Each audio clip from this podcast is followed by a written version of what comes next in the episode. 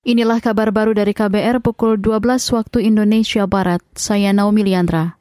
Satgas COVID-19 minta masyarakat tetap menerapkan perilaku hidup bersih dan sehat PHBS setelah dicabutnya status pandemi. Juri bicara Satgas COVID-19 Wiku Adhisa Smito mengatakan masyarakat harus tetap mewaspadai dan mengantisipasi ancaman penyakit pasca COVID-19.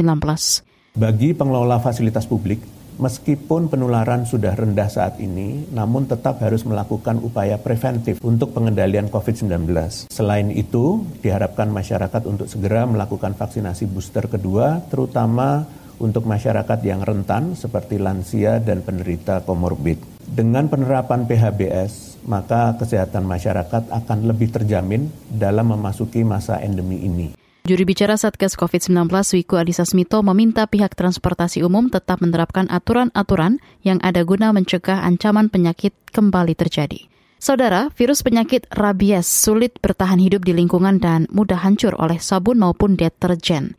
Ahli virus sekaligus dokter hewan Indro Cahyono mengatakan air liur anjing atau kucing yang terinfeksi virus rabies akan hancur sendiri ketika menyentuh tanah selama berjam-jam.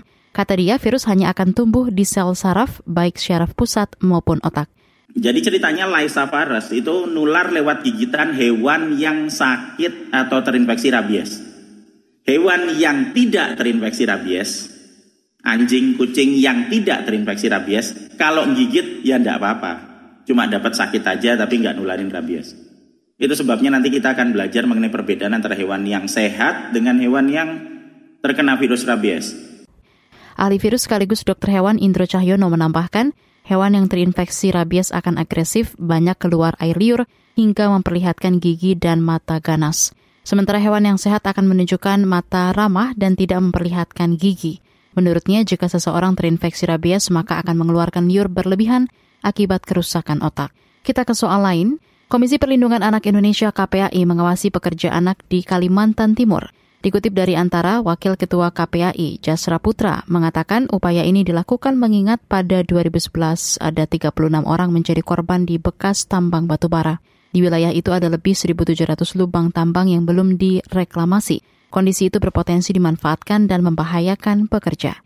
KPAI berharap perusahaan negara memberikan contoh terkait pencegahan dan penanganan pekerja anak, termasuk perusahaan daerah. Ia mengatakan KPAI terus membuka dan menampung laporan pekerja anak dari masyarakat. Sebab tanpa ada yang melapor, isu pekerja anak akan sulit dihentikan dan diawasi secara efektif. KPAI juga akan membangun partisipasi anak untuk menjadi pelapor dan pelopor dalam isu ini. Selama 2020 hingga 2022, KPAI telah mengunjungi 19 kabupaten kota di Indonesia terkait pengawasan pekerja anak. Demikian kabar baru KBR, saya Naomi Liandra undur diri.